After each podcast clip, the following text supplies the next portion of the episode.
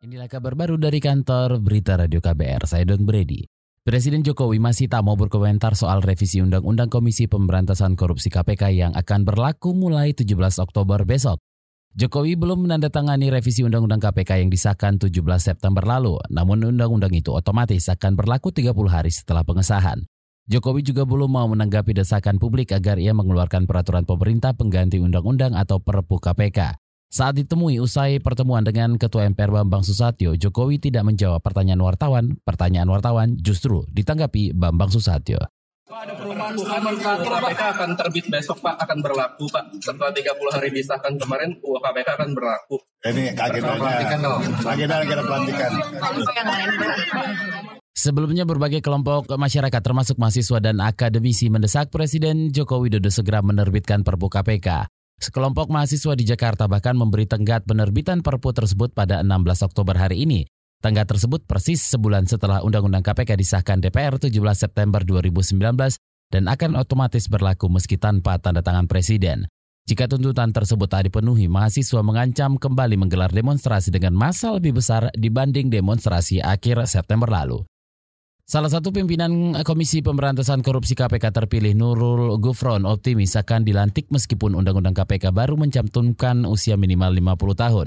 Nurul Gufron saat ini berusia 45 tahun. Ia mengatakan terpilih di DPR berdasarkan Undang-Undang KPK lama sebelum direvisi baik secara de facto maupun de jure sebenarnya ya. Cuma kebutuh SK atau surat keputusan dari presiden itu sebagai formalitas administratif saja. Sehingga sesungguhnya secara hukum pada saat pilih dan kemudian diparipurnakan diterima itu sudah selesai saya. Nah, lantas kemudian ada perubahan uh, undang-undang KPK yang typo itu, maka memang sesungguhnya kalau memang berubah jadi 50 baru butuh peralihan. Karena tidak boleh sebuah peraturan dan perubahan peraturan itu kemudian merugikan pihak-pihak yang saat berlakunya undang-undang ini sudah dinyatakan sebagai uh, terpilih begitu. Termasuk seperti keadaan saya begitu. Salah seorang pimpinan KPK terpilih Nurul Gufron menilai terjadi kesalahan pengetikan dalam revisi Undang-Undang KPK yang baru terkait usia pimpinan KPK. Di salah satu pasal menyebut usia pimpinan KPK ditulis minimal 50 tahun namun dalam tanda kurung ditulis 45 tahun. Kesalahan pengetikan itu menyebabkan Sekretariat Negara mengembalikan hasil revisi ke DPR.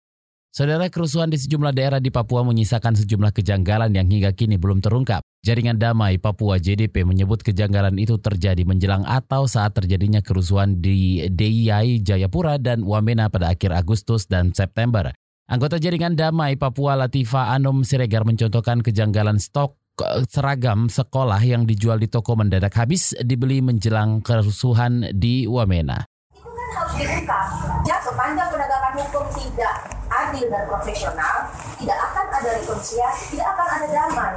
Jadi tidak cukup langsung masuk ke persoalan damai, tapi harus benar ditelusuri. Telusurinya tuh konstruksinya harus benar-benar utuh Anggota Jaringan Damai Papua Latifa Anum Siregar mengatakan kejanggalan lain adalah aksi demonstrasi yang diwarnai pengibaran bendera bintang kejora di kantor Bupati Deyai pada akhir Agustus berlangsung damai. Namun aksi kedua di tempat yang sama tanpa bendera bintang kejora justru terjadi bentrokan dan jatuh korban jiwa.